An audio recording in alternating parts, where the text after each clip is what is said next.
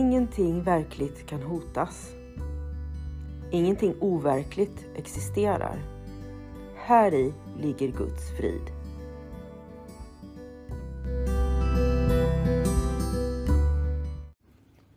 Mitt namn är Magdalena Wiklund och den här podden handlar om hur jag fann frid.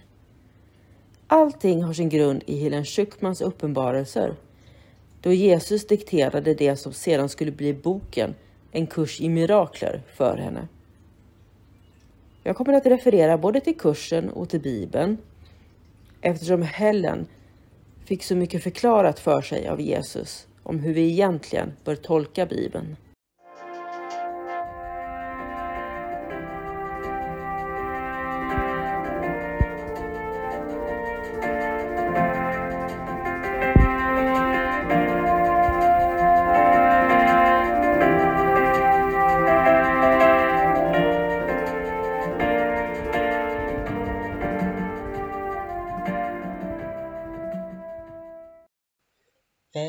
Välkommen till en kurs i mirakler.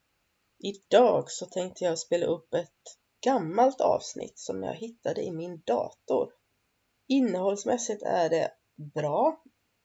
Kvaliteten är något lägre än vad det brukar vara. Men jag tror att det ska funka bra i alla fall.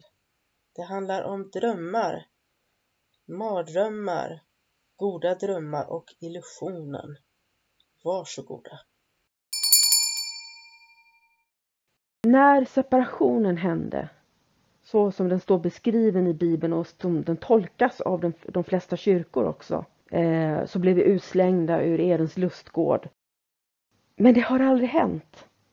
Vi behöver göra en omtolkning av det där och vi behöver göra den omtolkningen på ett mycket större och djupare plan. Det handlar inte alls om teorin, det handlar om våra hjärtan. Det handlar om att se att jag är fortfarande en del av Gud och Gud är en del av mig. Hur skulle Gud kunna skapa mig till, till, till något ont, till någonting som är syndigt och sen ställa upp regler och krav och säga att om du inte gör så här så hamnar du i helvetet. Vill du ens ha en sådan Gud? Det vill inte jag. Och jag är helt säker på att det är inte så. Det är inte vad Gud skapade.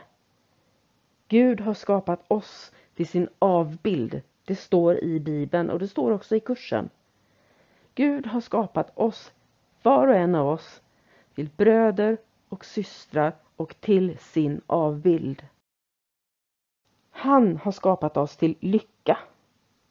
Vi är redan frälsta.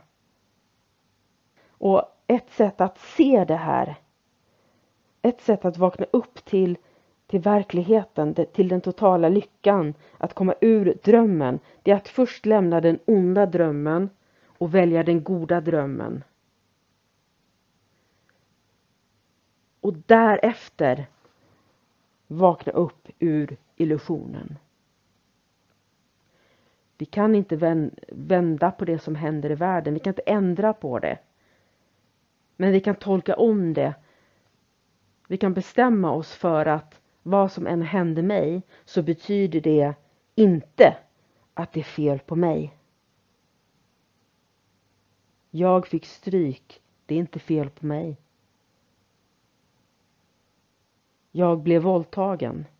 Det är inte fel på mig. Jag har fortfarande samma värde.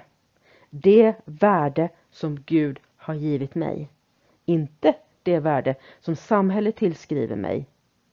Inte det värde som min partner tillskriver mig. Inte ens det värde som jag själv tillskriver mig just nu. Utan jag har fortfarande samma värde som Gud gav mig. Och det värdet är så stort att jag kanske inte ens förstår hur stort det är. Men jag kan välja att se det här ur genom Kristi ögon på mig själv och på världen jag lever i. Jag är ansvarig för det jag ser. Jag väljer de känslor jag upplever och jag bestämmer det mål jag vill uppnå. Och allt som tycks hända mig ber jag om och får så som jag har bett om. Och ett sätt att praktisera de goda drömmarna det är att göra tacksamhetsövningar varje dag. Vad är jag tacksam för i livet? Och när man börjar göra de här övningarna så blir det lätt att man börjar med att känna tacksamhet för maten på bordet, för jobbet, för kläderna, för tak över huvudet. Och det är helt okej. Okay. Det här är en del av den goda drömmen. Vad är det som gör dig lycklig? Så småningom kanske du kommer att upptäcka att din tacksamhet rör sig åt ett djupare håll. Du kanske hittar andra saker att vara tacksam för, andra värden i ditt liv. Jag är tacksam för det liv jag har levt. Även om jag inte uppskattar det just då. Därför att det är det som har tagit mig dit jag är idag. Försök gärna att praktisera tacksamhet om du vill. För det är en bra övning som kan hjälpa oss att känna mer glädje i vardagen. Och lev vardagen naturligtvis. Du kommer inte att kunna ändra på världen men du kan ändra på ditt sätt att se på den. Och du kan göra det här, nu, om du bara vill. Jag är ansvarig för det jag ser. Jag väljer de känslor jag upplever och jag bestämmer det mål jag vill uppnå. Och allt som tycks hända mig ber jag om och får så som jag har bett om.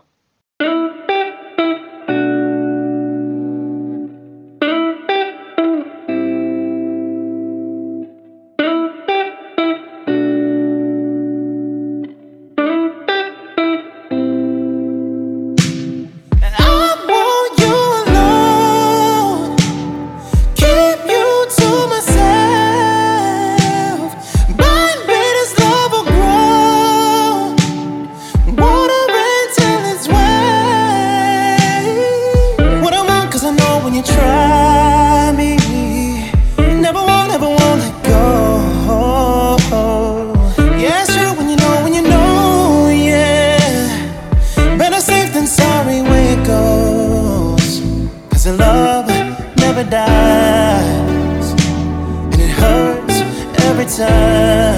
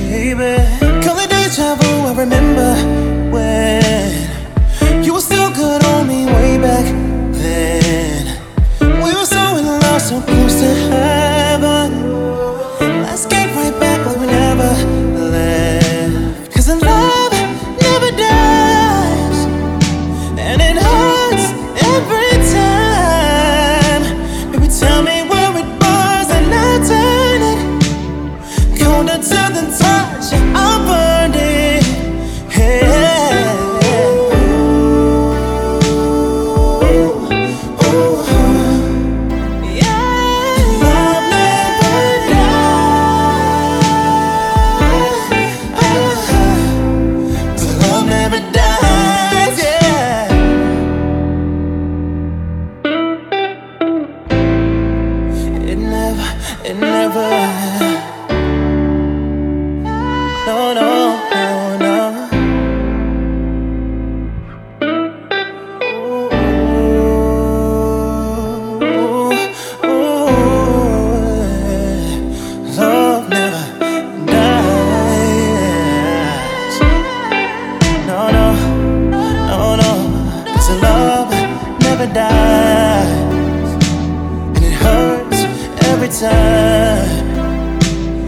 Tell me